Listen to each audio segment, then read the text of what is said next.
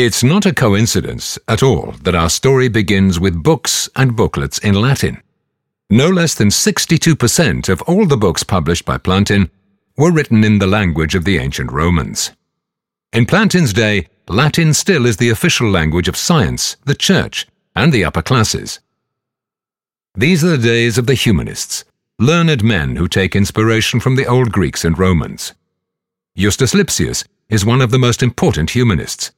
He was also a good friend of the Plantin Moretus family, a trusted and regular writer with the publishing firm, as well as a famous professor at Leuven University. You've seen his portrait downstairs.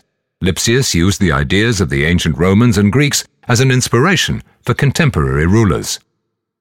Lipsius specializes in editing texts by Roman historian Tacitus and makes them ready for publishing. He does this by carrying out new research. He compares old manuscripts, he makes the necessary corrections, and he collates the right final text. Next to the Tacitus text by Lipsius, you can admire a book by another of the great humanists, Erasmus. It was his lifelong passion to collect Latin adagios, proverbs, and sayings.